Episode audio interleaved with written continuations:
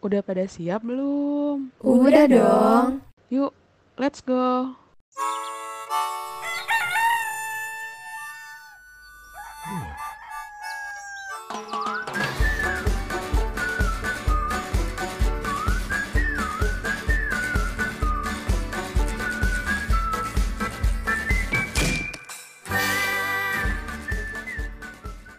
Halo Femkos. Sekarang kamu lagi dengerin iPod. IKK Podcast.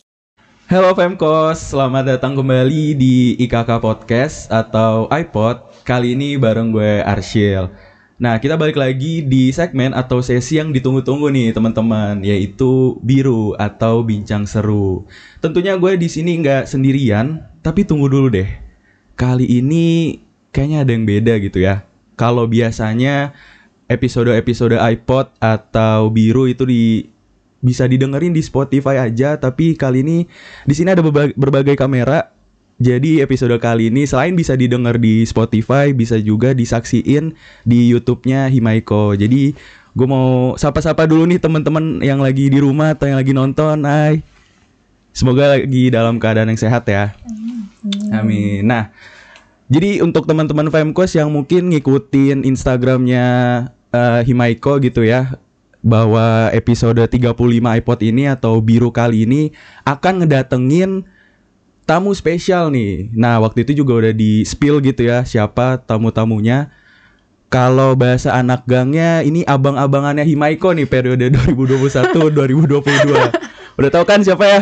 Langsung aja deh kita sambut ada ketua dan wakil ketua Himaiko periode 2021-2022.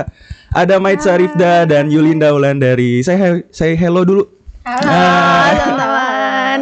Gimana kabarnya nih Rifda dan Yulin? Alhamdulillah baik. Alhamdulillah baik ya Yulin. Baik, baik. Gimana? Sehat ya? Ya. Sehat ya. dong. Gimana kesibukannya selain mengurusi Himaiko yang sudah berada di penghujung? Cela. Apa nih kesibukannya boleh dari Rifda dulu mungkin? Oke, kalau kesibukan yang jelas sekarang karena udah masuk ke tingkat akhir ya, jadi Betul. udah mulai nyusun-nyusun masalah khusus dan sebagainya. Aduh, ini agak sensitif ya. Sensitif, sensitif. Oke, terus masih ada komunitas lain juga, ya semoga bisa berjalan lancar semuanya. Kalau Yulin gimana nih? Kalau saya sih karena selain di Himaiko saya cuman sebagai mahasiswa aktif saja ya, Cuman. tidak seperti Rifda Cuman. yang ada komunitas lainnya. Jadi kesibukan saya sejauh ini hanya di Himaiko meneruskan sebelum akhir akademis dan tingkat akhir ya Maskus. Tingkat akhir ya. Emang tuh makin tinggi semester tugas bukan makin santai tapi makin wah, masya Allah ya. Benar sih. makin ada-ada aja gitu tugasnya teman-teman. Aduh, nah teman-teman Pemkos nih eh, buat kalian yang belum tahu sosok dari ketua dan wakil ketua Himaiko periode sekarang ini adalah orang-orangnya dan mungkin yang di Spotify bisa denger nih eh, suara-suara mereka gitu ya. Nah teman-teman sebelum mereka berdua ini bisa sampai ya di titik sekarang ini yaitu jadi ketua dan wakil ketua Himaiko mereka ini melalui berbagai pengalaman juga nih sebelumnya dalam berorganisasi begitu ya. Kalau dari eh, Rifda sendiri sebelum menjadi ketua Himaiko pada periode sekarang ini, dulu ketika SMA eh, pernah ini ya Ri- Rif eh, menjadi sekretaris umum OSIS ya di SMA benar. Jakarta Islamic School. Lalu juga eh, sampai sekarang ya menjadi tim bimbingan konseling IPB dan menjadi bendahara umum komunitas sosial rumah visioner dan pernah juga di kepanitiaannya juga nih ya teman-teman pernah menjadi sekretaris divisi Loksran atau bendahara bidang lapang eh, MPKMB angkatan 57 dan jangan lupa juga Rifda ini punya riwayat volunteer teman-teman. Jadi nggak cuma di organisasi atau kepanitiaan aja. Di volunteer juga menjadi coach dan fasilitator life skill development Al Wafi Islamic Boarding School. Bener ya? Benar dong.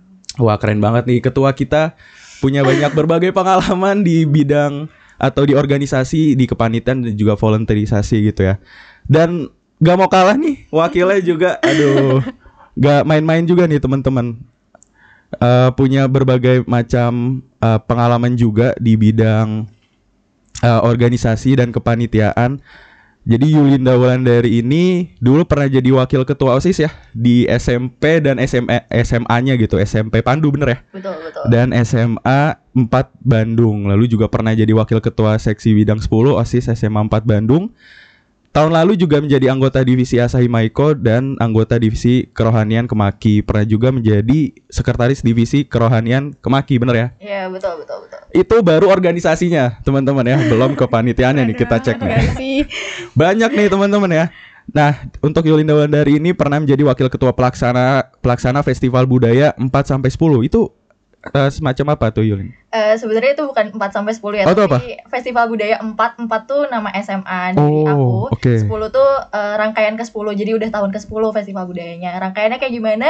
Teman-teman mungkin bisa membayangkan eh, genus yang ada di IPB ya, mungkin kurang lebih Ah. seperti itu. Tapi Festival Budayanya lebih kepada mungkin kalau misalnya di SMA SMA itu bisa dilihat seperti pensi kayak ya. Tapi dikemas Oke. dalam bentuk budaya kayak gitu. Jadi kayak pensi tapi budaya gitu ya Iya, isinya. betul, betul, Mantap. betul, Tuh baru satu loh, masih ada lagi nih. Sabar ya teman-teman ya.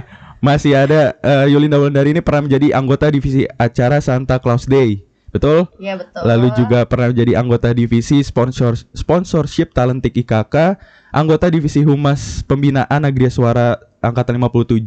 Agria Suara ini adalah paduan suaranya IPB betul ya? Iya betul. Lalu juga ketua divisi konsumsi ziarah rohani, ketua pelaksana webinar peran perempuan di ranah publik, ketua divisi acara masa pengenalan himpunan IKK 57, ketua divisi logistik ziarah rohani. Itu dari kepanitiaannya. Yulinda Wulandari ini juga ada pengalaman Master ya. of Ceremony-nya gitu atau MC ya. Jadi pernah menjadi MC di How to be a Counselor dan eh, MC di studi bo- studi banding Himaiko X BEM PKK UNJ. Kok bisa banyak gitu ya Yul ini?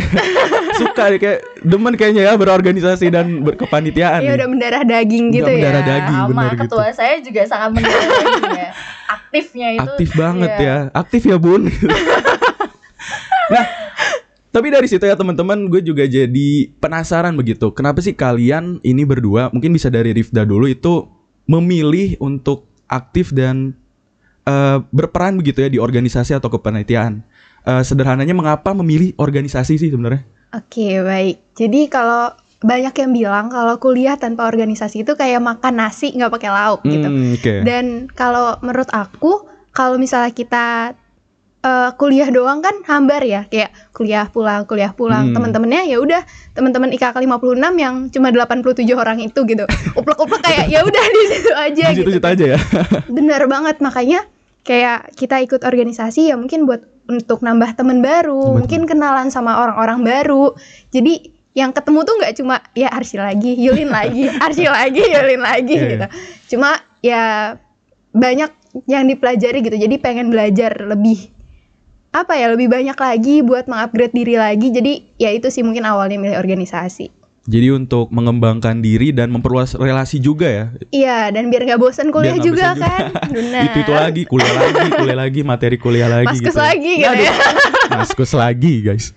Oke, kalau dari Yulin gimana nih? Kenapa, kenapa sih memilih organisasi gitu?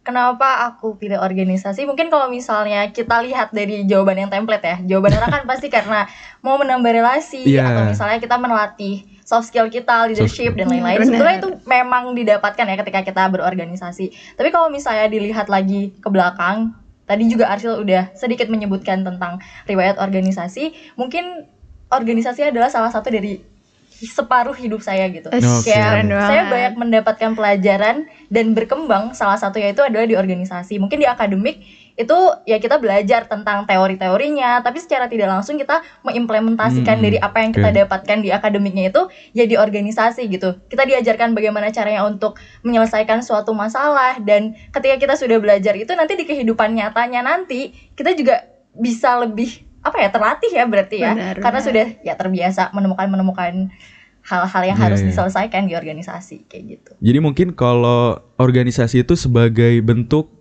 implementasi tadi aplikasi dari mungkin teori-teori yang sudah didapatkan gitu ya. Iya betul. Nah, kalau di kuliah ini kan tadi ya udah dibilang kan udah banyak tugas-tugas kita gitu, apalagi IKK ini eh banyak turun lapangnya begitu ya dan untuk kalian kan mungkin sempat kebagian waktu itu sesi online ya di kepengurusan kalian dan itu juga tugasnya lagi wah banyak banyak ya. banyaknya gitu nah dari situ aja mungkin bisa apa ya aku mau nanya kenapa sih kalian akhirnya lebih apa memilih untuk aktif di eh, kuliah ini organisasi gitu ya terlebih di KK ini gitu Mungkin dari Yuli eh, dari Rifda dulu gitu. Oh kirain mau gantian Yulin dulu. Rifda dulu deh.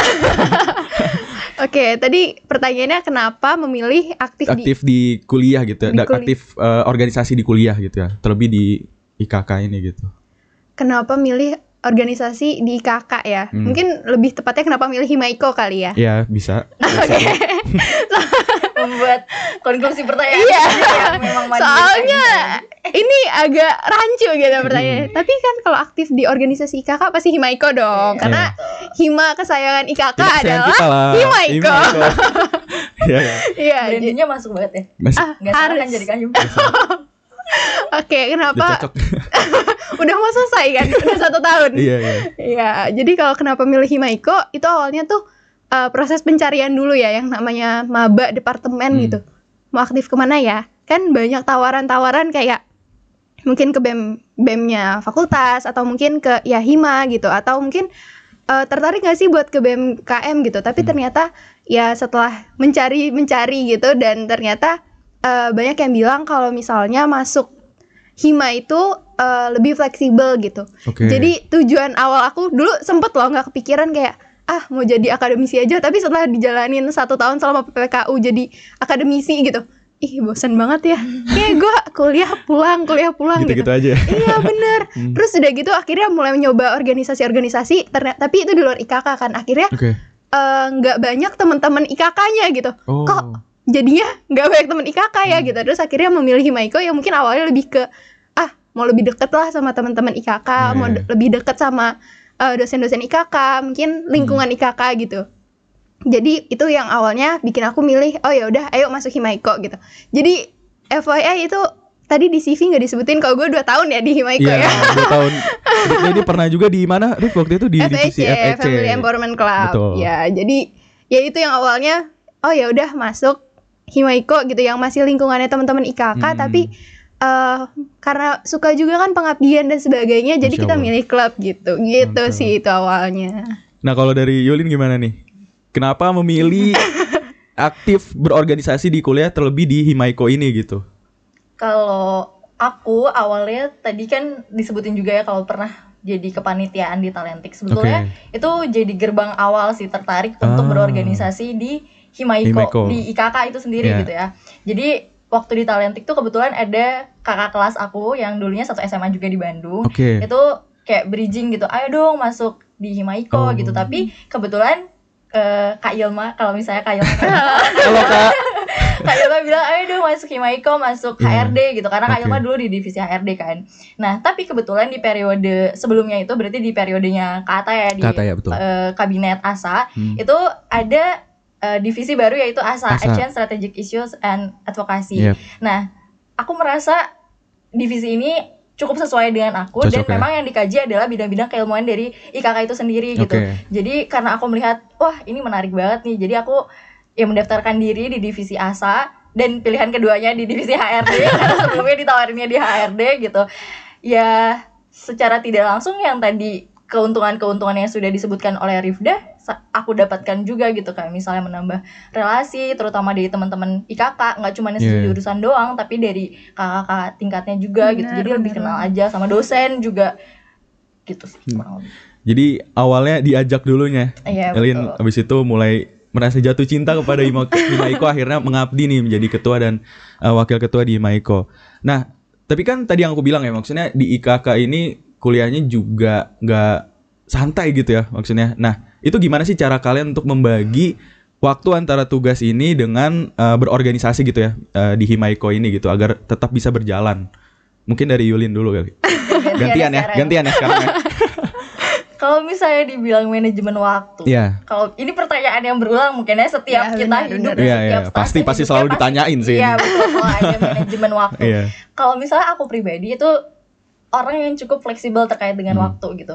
Ada orang yang dalam misalnya di hari Minggu dia udah bikin plan untuk satu minggu ke depan Oke. apa yang apa yang harus diselesaikan terus butuh alokasi waktu berapa lama gitu. Yep. Nah kalau misalnya aku pribadi itu hanya bertahan di awal-awal niat doang gitu ya jadi nggak bisa bertahan, Bertahan di lama. niat ya. Nggak bisa. Iya jadi kalau misalnya aku sendiri sebetulnya cukup fleksibel terkait Fleksibel, dengan oke. bagaimana menyeimbangkan organisasi dan juga kuliah. Yang penting adalah dilihat urgensinya mana yang Hmm. membutuhkan alokasi waktu lebih banyak dan mana yang membutuhkan penyelesaian lebih cepat gitu. Cepat dan juga tepat kayak gitu. Dan yang harus digarisbawahi di sini adalah yang aku lihat dari sekitar gitu ya. Setiap orang tuh punya gaya manajemen waktu yang berbeda-beda. Kalau misalnya teman-teman punya eh, punya manajemen waktunya misalnya aku lebih suka hura-hura nih dari misalnya dari siang sampai sore gitu. Hmm. ya teman-teman harus ambil konsekuensi teman-teman menyelesaikan tugas teman-teman dari sore sampai malam gitu Yeah. sampai begadang jadi teman-teman harus punya konsekuensi sendiri atas gaya yang teman-teman terapkan Hmm. gitu baik di organisasi maupun di kuliahnya kayak gitu mungkin Rifda punya Iya, cara kalau Rifda gimana teratur kalau Rifda kayaknya Enggak sih, sebenarnya kalau dibilang fleksibel aku juga cukup fleksibel ya. Cuma aku selalu punya prinsip kerjain dulu yang melibatkan banyak orang gitu. Hmm, Kayak misalnya ditabrakan dengan tugas individu dan himaiko gitu. Eh, bukannya mendahulukan organisasi, cuma kadang karena eh, himaiko ini kan melibatkan banyak pihak ya. Mungkin kayak suatu saat kayak ada masalah di ke- proker ini gitu. Ya Mhm. mau nggak mau selesain dulu karena kalau misalnya eh, proker ini nggak diselesain dulu, nanti aku nugas juga nggak tenang gitu. Jadi lebih eh, melibatkan banyak orang dulu. Nah terus eh, untuk jam efektif aku buat nugas itu Iya. malam. Jadi ya ketika semuanya udah sepi gitu. Jadi aku tuh milih dan aku nggak bisa begadang ya. Iya, iya. Jadi biasanya kalau udah selesai rapat dan sebagainya aku tidur dulu terus nanti bangun buat ngerjain tugas gitu. Jadi ya manajemen waktu aku begitu gitu. Tapi pasti tiap orang beda-beda ya pasti gitu. beda-beda ya. Mm-mm, benar.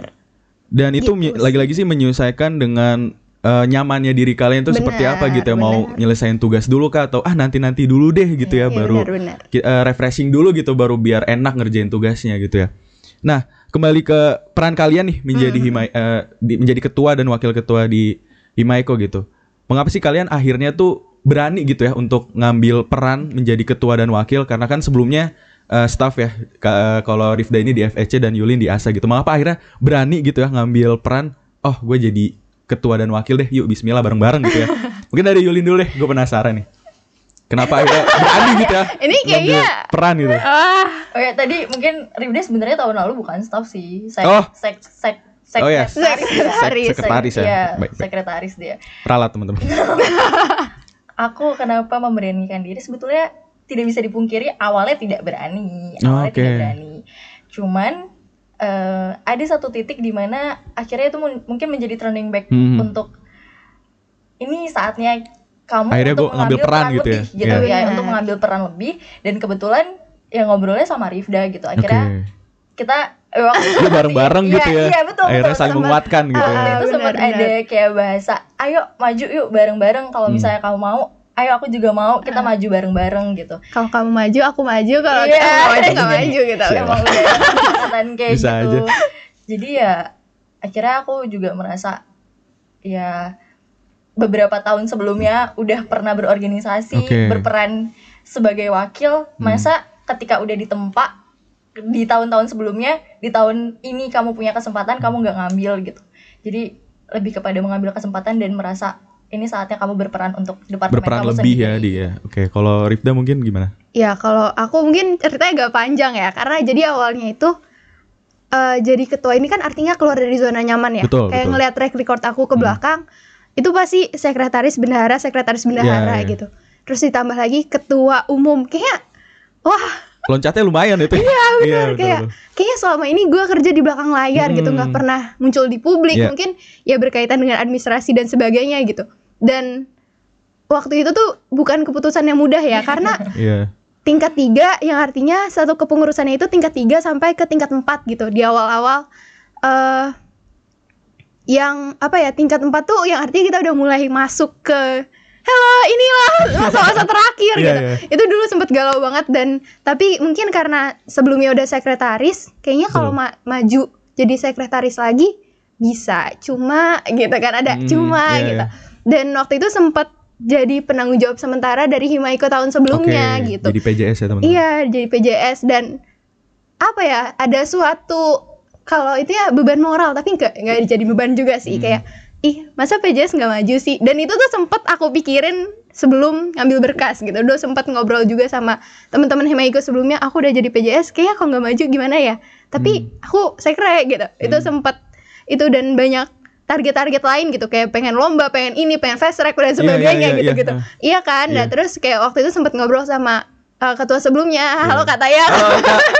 Iya sama ketua sebelumnya sama orang tua juga gitu kalau misalnya ngambil ketua gimana Iya. dan tapi aku pengen ini pengen ini pengen ini gitu dan jawaban mereka adalah kenapa nggak ambil dua-duanya gitu Oke. iya jadi Bisa bisa. kayak mau PKM mau ini mau fast track dan tapi mau jadi ketua juga gitu Hmm. Ih, bisa kok bisa gitu terus akhirnya ya udah setelah dipikir-pikir kayaknya banyak yang bisa aku dapetin kalau aku jadi ketua gitu Iya. dan akhirnya ya udah mencoba memberanikan diri ngobrol sama Yulin nyari partner nih kayak yuk kita maju bareng-bareng akhirnya kita ya udah maju bareng-bareng dan ya alhamdulillah harus dengan berbagai cara ya dan bisa jalan semua sih gitu Iya gitu teman. Jadi sebenarnya eh, bisa aja gitu ya semua tuh Iya, dijalanin. bener. jadi yang penting ada ke- tekad dan Tekad, kemauan gitu betul. dan udah bilang udah ngobrol dari awal nih sama Yulin kayak Hmm. Yul tapi aku pengen ini pengen ini pengen ini gitu Hmm. kira-kira gimana gitu dan ternyata Yulin juga ayo nggak apa-apa kita bareng-bareng aja Iya. kalau misalnya ini berkabar aja gitu ya Iya. dan akhirnya bisa jalan semua ya faktanya fast track dapat. Iya, semua dapat ya. dapat. Tuh Ya, teman-teman buat yang nggak tahu ya. Sebetulnya teman-teman yang paling berat itu adalah langkah pertama. Yap. bener Setuju. Langkah bener berikutnya itu sebetulnya kita tinggal mengikuti aja Hmm. sih. Dan Iya. yang betul tadi kalau misalnya kita mengambil peran itu sebetulnya ya ada keuntungan-keuntungan Iya, yang benar-benar. secara tidak kita sadari ya memang mengambil peran ini adalah gerbang awal kita gitu. Iya, jadi kalau dibilang kayaknya kalau fokus tuh harus satu-satu. Enggak juga Nggak sih, juga karena ya. ternyata pas awal-awal kepengurusan Yulin juga sempat ikut beberapa lomba ya. Dia kayak, Iya. Rifda doain aku mau ikut lomba ini gitu kayak, oh ternyata bisa gitu. Jadi Iya. buat teman-teman jangan ragu buat ngambil peran di Himaiko. Betul. Yeay, Ditunggu ya di Himaiko Himaiko. kepengurusan selanjutnya. bisa banget Bisa, masuk. bisa masuk. Masuknya Mm, bisa. mm. Tapi itu ya sebenarnya balik lagi ke yang awal tadi ya bahwa Hmm. manajemen waktu itu penting gitu bagaimana Iya, membagi antara apa yang mau dikerjakan dulu dan itu menyesuaikan antara eh, kemampuan masing-masing gitu ya. Iya, jadi tetap diurutin prioritasnya Iya. sih. Cuma mungkin ada satu dan lain hal yang kadang kayak oh kayaknya ini bisa kita wakilkan, Hmm, diwakilin sama yap. Yulin atau mungkin Yulin minta tolong aku buat nge-handle sana sini gitu. Jadi masih bisa dikomunikasikan sih. Yang penting komunikasi. Komunikasi ya itu juga penting ya teman-teman nanti kalau eh, di mana pun itu komunikasi penting misalkan dalam organisasi ini juga kalau misalkan ada yang hilang-hilangan gitu yang Mm-mm. kabar-kabaran tuh penting gitu. Jangan Nah, sampai hilang sih. Iya kalau bisa jangan sampai ya. Nah di kepengurusan kalian ini kan lumayan challenging ya kalau aku bilang karena eh, ada challenge shifting dari kepengurusan online ke offline tadi. Nah itu lumayan apa ya? Ya challenging gitu buat kalian. Nah gimana sih maksudnya kalian dalam mengatasi permasalahan itu gitu biar eh, semuanya dari kepengurusan kalian ini bisa berjalan dengan ya baik gitu ya. Kalau dari Rifda gimana? Oke, jadi emang kita tuh seper dua per tiga kepengurusan kali ya kita Hmm, online iya. gitu, yang luar biasa tantangannya gitu. Cuma begitu offline ternyata tantangannya lebih banyak lagi gitu. Iya betul. Cuma gimana cara menguatkan teman-temannya aja sih, karena kan ya Himaiko itu bukan cuma aku dan Yulin gitu, masih banyak teman-teman lain yang mau berkembang bersama Iya. ya gimana caranya biar tetap berjalan ya dengan menguatkan mereka gitu Iya. yakinin kalau misalnya ya mereka bisa dan ka- mereka nggak sendiri gitu ada kita jadi kalau ada apa-apa ya tadi balik lagi komunikasi, Komunikasi gitu ya, Har- kalau misalnya ada masalah misalnya ada kendala misalnya ada staffnya yang hilang atau misalnya proker bermasalah itu dikomunikasiin dan Betul. kita coba cari jalan keluarnya bareng-bareng gitu sih komunikasi dan ya didiskusikan juga gitu Iya, ya benar. untuk menemukan jalan terbaik gitu. Kalau dari Yulin gimana nih? Idem. Ya, sama ya. Sama. Dua gitu dua. Iya, iya. Eh, betul kan komunikasi Iya, yang betul, utama betul. ya. Benar. Tapi kalau misalnya kita mengibaratkan konfliknya tuh kayak benang kusut, kita Hmm. harus cari dulu nih ujungnya di mana Iya, gitu. akar Baru- permasalahannya. Betul. Kita harus cari dulu ujungnya di mana baru kita bisa membentangkan lagi Ah, benang oke. itu supaya nggak kusut kayak gitu kan. Dan yang paling penting adalah em, di Himaiko ini, terutama di kepengurusannya, kita tuh ada beberapa kepala dan masing-masing kepala tuh pastinya punya Punya. solusi yang berbeda Iya, betul. dan solusi yang berbeda itu pasti sangat berguna dan pasti Benar, sangat benar. dibutuhkan untuk setiap hambatan atau tantangan yang kita laksanakan apalagi di peralihan online dan offline ini gitu. Hmm. Jadi saran-saran dari banyak kepala ini juga penting gitu ya Iya, untuk eh, jalannya kepengurusan kalian gitu ya. Iya.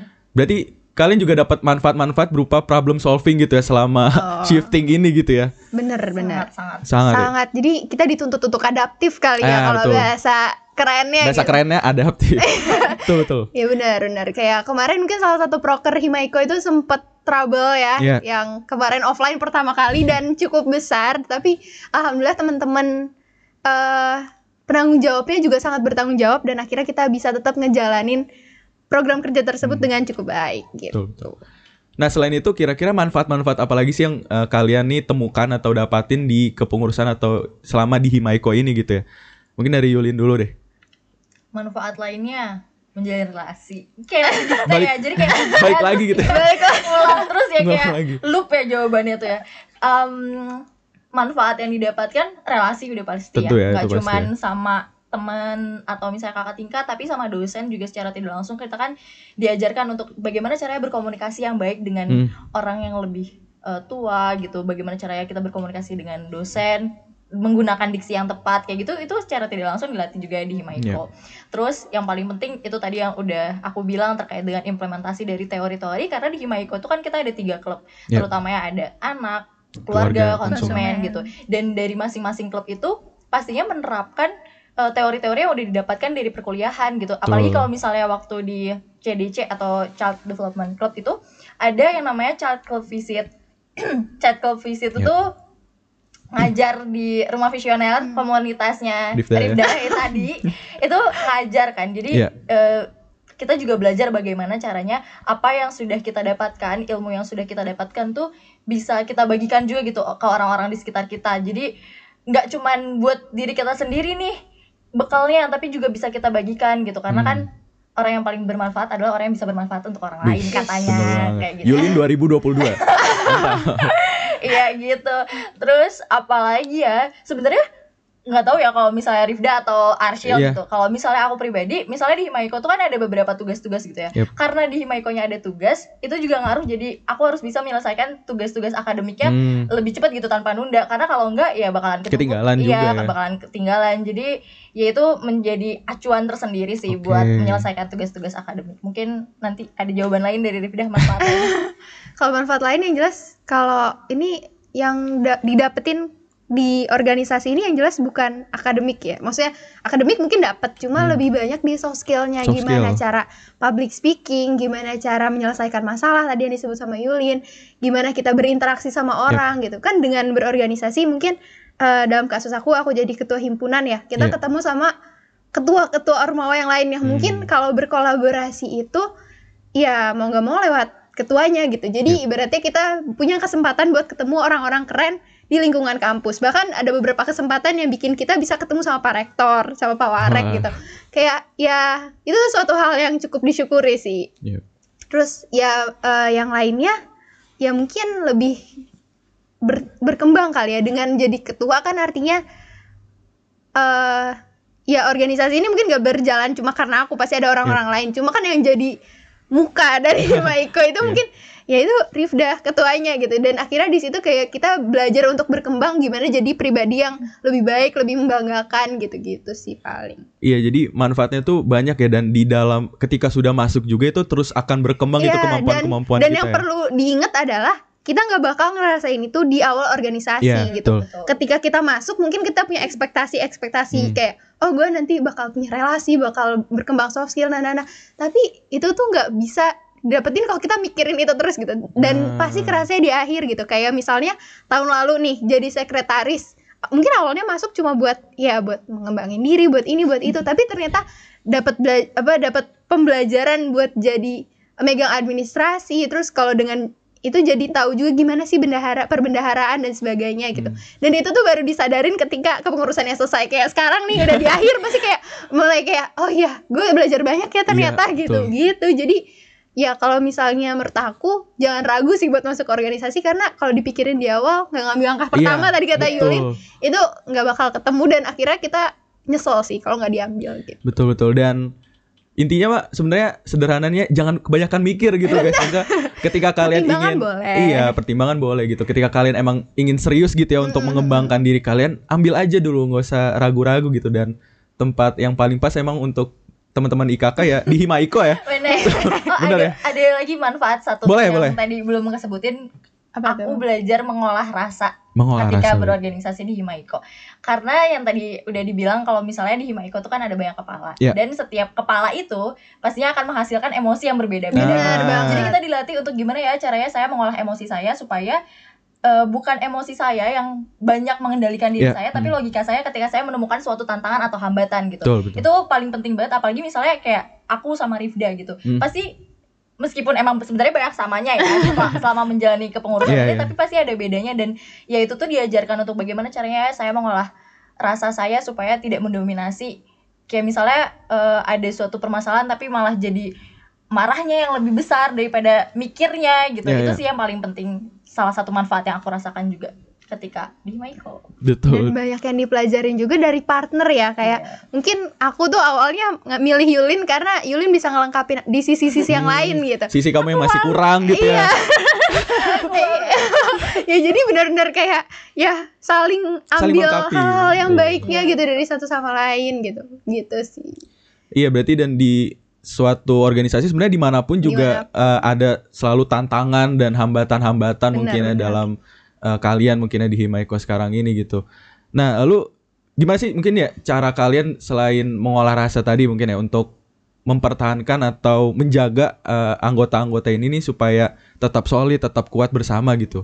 Komunikasi atau diskusi macam apa sih yang biasa kalian lakuin gitu ya dengan anggota-anggota kalian gitu. Mungkin dari Yulin dulu mungkin bisa di agak berat ya pertanyaannya iya agak berat Gimana? Boleh Yulin, boleh boleh. di share mungkin sama teman-teman. gimana ya cara mempertahankannya? Oh, kalau mempertahankan dari segi proker kita ada yang namanya rapat general. Rapat Oh. general yang juga di SC oleh Arshil ya. Ini merupakan salah satu program kerja dari teman-teman internal di mana di rapat general ini kita lebih kepada berkabar dari setiap divisi, biro klubnya, tentang progres program kerjanya atau kabar dari setiap anggotanya.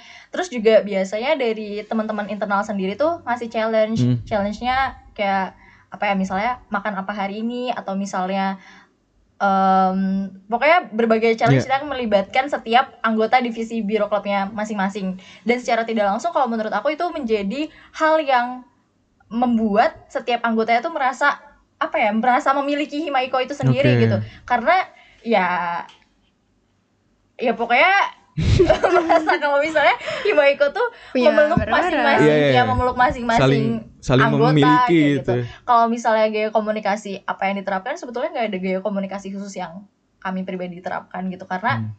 ya selagi itu memang misalnya tergantung dalam kondisi ya misalnya kayak rapat jenderal Yep. sebenarnya kan itu semi formal ya Mhm. jadi kalau misalnya kita bisa berkomunikasi dengan gaya yang tidak formal ya kita berkomunikasi dengan gaya yang tidak formal karena kadang kalau misalnya orang merespon kita yang berbicara terlalu formal kan jadinya Hmm. kesannya kayak kaku gitu ya Ah, kayak benar, benar. aduh aku kurang nyaman nih di sini iya, terlalu iya. formal terlalu kaku aku nggak bisa ber- bebas berekspresi nah itu yang paling pentingnya kita selalu berusaha membuat teman-teman yang bergabung di kepengurusan Hmm. Himaiko ini bebas berekspresi dengan catatan berekspresi yang bertanggung jawab Iya. kayak gitu sih Ya Boleh, mungkin kalau misalnya gaya komunikasi itu yang jelas harus terbuka ya. Jadi Terbuka, kalau ada betul. masalah ya dikomunikasikan jangan sampai ah, ada masalah gue ngilang deh. Gue Hmm, nggak mau. tadi ya bener ya. Iya, jadi harus diselesain bareng-bareng dan Himaiko ini kan bukan cuma soal mahasiswa ya, tapi juga tentang eh, mungkin dosen-dosennya, tentang tendik dan sebagainya gitu. Jadi kalau misalnya kita ada masalah, kita ya nggak sendiri gitu. Kita coba komunikasiin ke komisi kemahasiswaan, ke Burkisda gitu. Dan kita ada rapat rutin ya Iya, sama betul. komisi Iya. kemahasiswaan dan di situ kita bertukar pikiran ini kita mau bawa proker ini bu bulan ini dan kita mungkin ada kendala ini ini ini dan akhirnya masalah yang tadinya menjadi masalah gitu itu coba kita cari solusinya bareng-bareng dan di situ nggak cuma dari kepala-kepala eh, anggota aja mungkin kalau misalnya pikiran aku dan Yulin kan udah kebaca ya sama anak-anak aku paling nyarinya ke sini gitu ke sini gitu Iya. tapi kalau misalnya eh, ke komisi kemahasiswaan ke dosen-dosen pasti Iya. ada insight-insight baru yang mungkin bisa nggak kepikiran gitu sama kita ya Hmm. sebelumnya gitu gitu sih. Jadi ya kom- pola komunikasi apa yang diterapkan terbuka dan Terbuka. ya saling menghargai kali ya. Hmm. karena pendapat itu ya nggak ada yang salah gitu. Iya. cuma yang mana yang terbaik itulah yang dipilih gitu sih paling Dan tadi juga menarik ada wadah di mana eh, tempat untuk saling apa ya eh, seru-seruan bareng gitu ya. Nggak cuma proker-proker aja. Tadi rapat general itu saling berkabar juga saling bertemu gitu ya. Oke menarik gitu.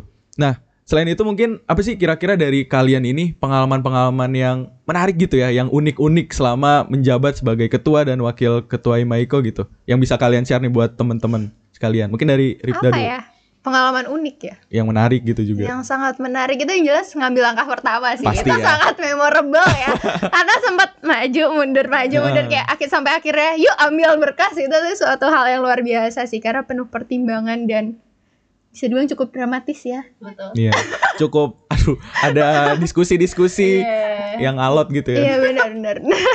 Terus kalau yang menarik sih dari program kerja Himayko yang terakhir dan pertama kalinya offline tahun ini Oh, ya. iya, betul. Itu karena euforianya tuh kayak wah akhirnya kita offline gitu. Itu dan segala dramanya yang tadinya harusnya eh, kita mungkin sebagai ketua dan wakil cuma memantau gitu, tapi karena memang proses adaptasi dari off eh online ke offline gitu. Akhirnya Iya. kita juga ikut turun tangan dan seru sih kita bisa ikut ngerasain keseruan dari Pak kepanitiaan talentik kemarin.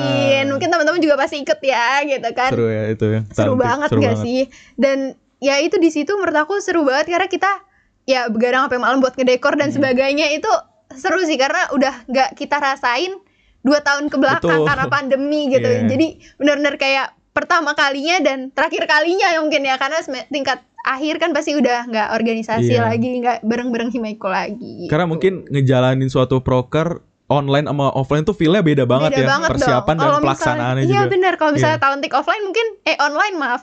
Itu kayak ngeliat kotak-kotak doang terus Iya, ngeliat betul. orang dramanya cuma lewat video. Kalau sekarang Iya. kan bisa ngeliat langsung, bisa ngeliat keriuhan mengganti Iya. dekornya dan banyak deh pokoknya yang apa ya nggak bisa didapetin kalau Iya, online gitu betul. kurang ngerasanya gitu. Dan apa ya eh, rasa kebersamaan antar IKK-nya itu Bener, bener-bener bener. berasa gitu. Kalau misalkan online kan yang kameranya kameranya mati itu nggak tahu tuh Iya benar. nyaksiin atau enggak Iya, gitu kan terus ya. kalau misalnya yel yel, yel nggak bisa kita Ya, dengar langsung betul, dong, betul. lewat chat doang gitu kayak, yeay kakak 56 yeay gitu doang.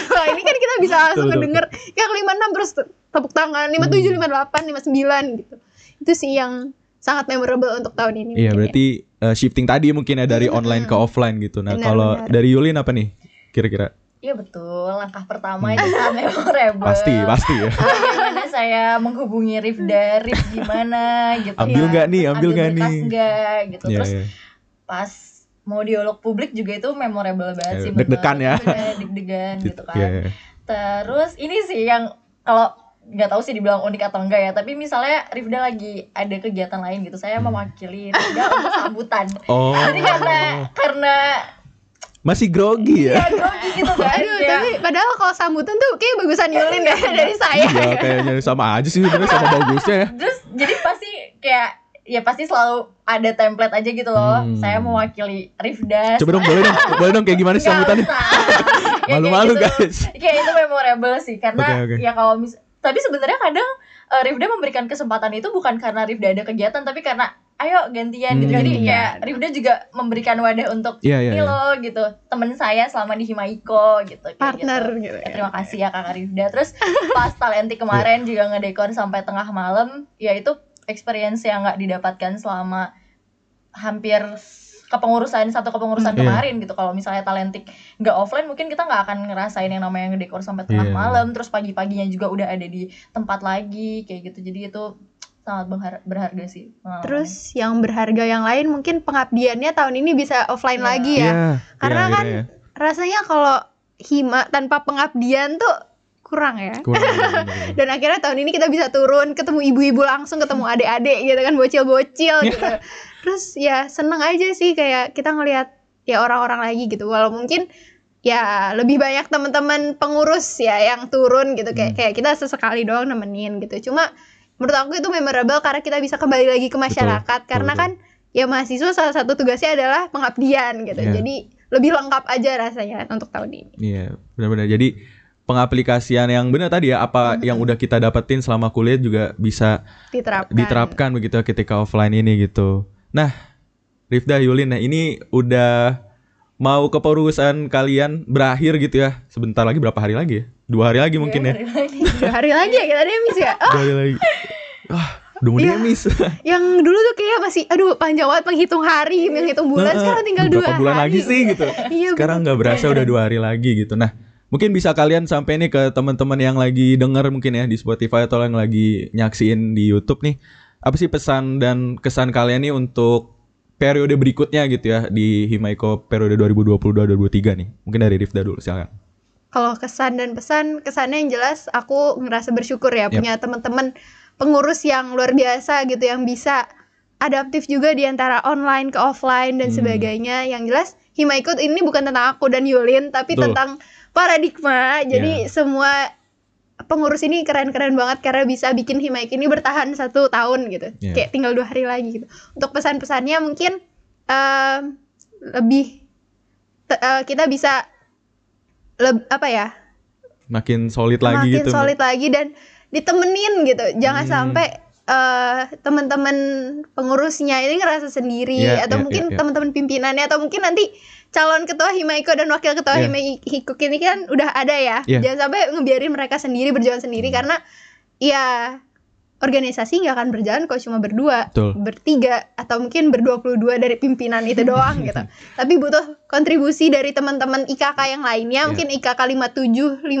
ya 58, untuk betul. selanjutnya jadi jangan sungkan buat mengambil peran karena kalian akan mendapatkan hal-hal yang tidak kalian bayangkan sebelumnya Iya, dan itu bisa bikin kalian lebih berkembang lagi Tadi gitu ya, pengalaman-pengalaman dan pengembangan diri kalian itu nggak disangka-sangka Hmm. tuh bisa didapetin loh di organisasi terlebih di Himaiko ini gitu. benar-benar Nah, mungkin dari Yulin gimana nih kesan dan pesannya untuk teman-teman eh, yang nanti akan menjabat gitu ya. Mungkin kesan dari kepengurusan kalian dulu gitu. Iya, kalau misalnya kesannya sangat luar biasa sih, Iya. sangat luar biasa, sangat berharga, sangat menyenangkan. Menyenangkan. Meskipun mungkin ada sedikit sedihnya, tapi aku lebih banyak merasakan senangnya.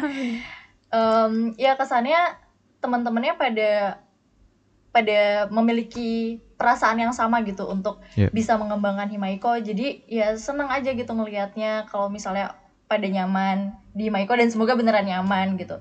Terus ya kesannya aku bisa mendapatkan banyak hal gitu di Iya. Himaiko yang sebelumnya nggak pernah membayangkan dan bahkan nggak pernah kepikiran untuk menjadi seorang wakil Iya. yang nemenin Rifda gitu. Terus buat pesannya sebelumnya mungkin aku mau minta maaf juga ke teman-teman Himaiko periode kabinet paradigma apabila selama teman-teman apa ya mengikuti kepengurusan Himaiko di periodenya Rifda di kita ya Periode paradigma kabinet paradigma ini iya. ada ekspektasi-ekspektasi yang masih belum bisa terpenuhi Iya. gitu. Tapi semoga teman-teman bisa mendapatkan banyak manfaat selama teman-teman mengikuti kepengurusan Himaiko Pasti, pasti, ini. pasti. Dan yang paling penting jangan pernah ragu untuk mengambil peran gitu. Yep. Meskipun di luaran sana banyak tawaran-tawaran yang mungkin lebih menggiurkan ya, Hmm. tapi pesan saya jangan lupa untuk pulang gitu. Betul. Dan rumahnya salah satunya ya Himaiko ini Himaiko. gitu. Pulang ke Himaiko.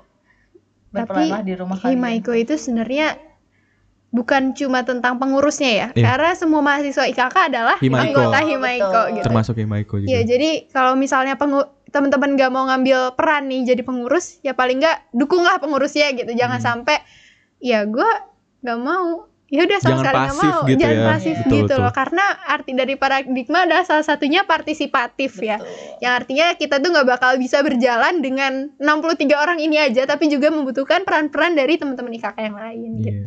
Dan IKK juga nggak cuma yang pengurusnya aja tadi bener ya yang 56, 57 atau 58 IKK tuh sampai yang bahkan yang sekarang yang 59 juga termasuk gitu Sudah IKK. termasuk. Jadi eh, sangat dibutuhkan partisipasi dan peran kalian masing-masing untuk membantu mungkin nanti ya gitu ya kabinet Mhm. berikutnya gitu. Mungkin terakhir kali ya dari Rifda atau Yulin mungkin ada kata-kata tambahan yang mungkin disampaikan kepada teman-teman gitu. Se- Sebagai penutupan mungkin ya. Apa ya? Kayaknya dari tadi udah banyak ngomong gitu. Iya. Hmm. Hmm. Kalimat-kalimat ini kalimat kojo. Quotes, quotes biar bisa dikutip nih nanti. Rifda 2022, Yulin 2022. Iya, kalau dari aku terima kasih untuk satu tahunnya. Yep. Dan semoga teman-teman tidak menyesal dan mendapat banyak pelajaran yang bisa diambil dan tetap semangat untuk ke depannya. Sukses baik kuliah maupun organisasinya. Terima kasih Rifda dari Yulin. Ya kalau dari saya ini mungkin setiap webinar ya sering saya ucapkan ya semoga eh, iPod ini tidak dijadikan sebagai tontonan tetapi dijadikan sebagai tuntunan untuk memenuhi tuntutan di hari yang akan datang gitu. Betul. Harapannya teman-teman yang sudah menjadi pengurus terutama teman-teman 57 atau teman-teman 58 yang kemarin ikut Akan. magang gitu. Hmm. Daftar lagi di Ya. kepengurusan guys, selanjutnya daftar lagi, guys. karena ya ini wadah yang sangat berharga gitu Ya. untuk kalian mengembangkan diri dan berpartisipasi aktif di dunia perkuliahan Betul. gitu. Iya, iya, mantap. Nah, eh, mungkin karena berhubungan waktu juga ya guys. Terima kasih nih untuk Yulin dan Rifda udah datang ke IKK Podcast ini. Eh, dari gue juga minta maaf jika ada kesalahan dan eh, kata-kata gitu yang tidak berkenan mungkin selama tag Ya, ini. maaf juga. Maaf ya. Maaf ya. Semoga yang yang baik-baik bisa diambil, Betul. kalau ada yang kurang Betul. baik bisa ditinggalkan betul, saya. betul, betul. Yang kurang baik bisa di-cut. Karena ini ada proses editing. Bisa di di cut, di-edit. Oke, jadi dari gue Yulin dan Rifda pamit. Ditunggu eh, IKK podcast atau iPod season 3-nya ya. Iya. Yeay, dadah, dadah. Dadah. Jangan lupa daftar Himaiko. Daftar Himaiko, daftar, Nonton daftar, podcastnya, daftar. jangan lupa Oh iya. Jangan lupa di like juga. like, comment, dan subscribe. Dadah.